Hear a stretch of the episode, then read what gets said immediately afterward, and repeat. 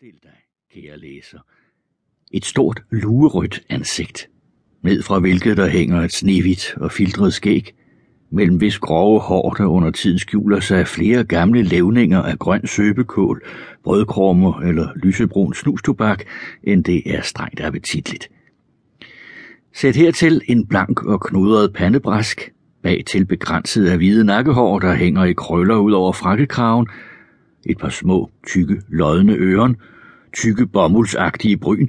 og en mægtig, svagt blånende næse mellem store, vandblå, stift stirrende øjne.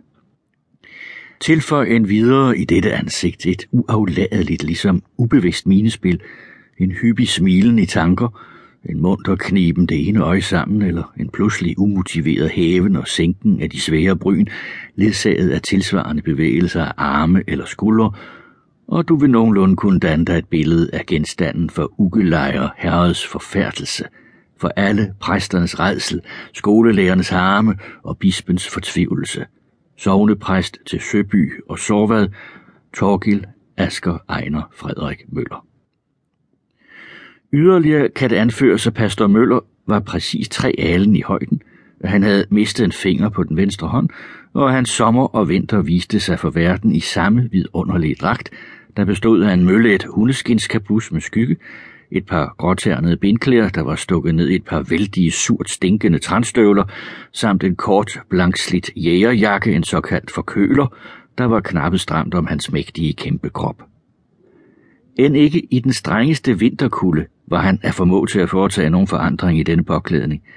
når det rigtig bund frøs omkring ham, kunne han binde sit blåternede bomuldslomtørklæde omkring halsen, men tog sig i øvrigt kun en ekstra pris af den røde blæreskinspung, som han bestandig førte med sig og kaldte sin varme dunk. Hente det nu ved en sådan lejlighed, at han på sin vej mødte en sammenkrøben bonde, der indhyldet i uldtørklæder med drøbende næse og rendende øjne, sne sig forbi ham langs den modsatte grøftekant, stansede han med sit allerluneste smil – satte hånden i siden og råbte over vejen. Halløj du der! Pas for guds skyld på, at du ikke fryser fast til pelsen. Hvorpå han fortsatte sin vej med en øredøvende latter, der satte luften i forfærdelse i vid omkreds, og fik de to store, gule, slunkne hunde, der altid fulgte ham, til at springe op med snuden i vejret og hyle i vild glæde. Og smilet blev liggende i hans ansigt, og læberne bevægede sig i deres mundreste mimren, mens han lyttede til sin livsmusik den knirkende lyd af sneen under støvlesålerne. Endnu på den sidste bakke foran byen stansede han og rettede sine bjørnelemmer for til gavns at fylde lungerne med luftens isnåle, inden han krøb ind under taget på sin mørke præst.